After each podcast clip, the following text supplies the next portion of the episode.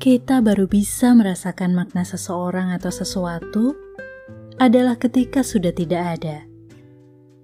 Apa yang dapat kita rasakan, nikmati sehari-hari, belum tentu hal yang biasa.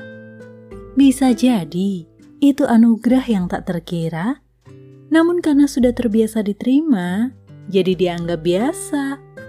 Padahal itu tidak murah. Hanya karena diberikan cuma-cuma, bukan berarti itu murahan.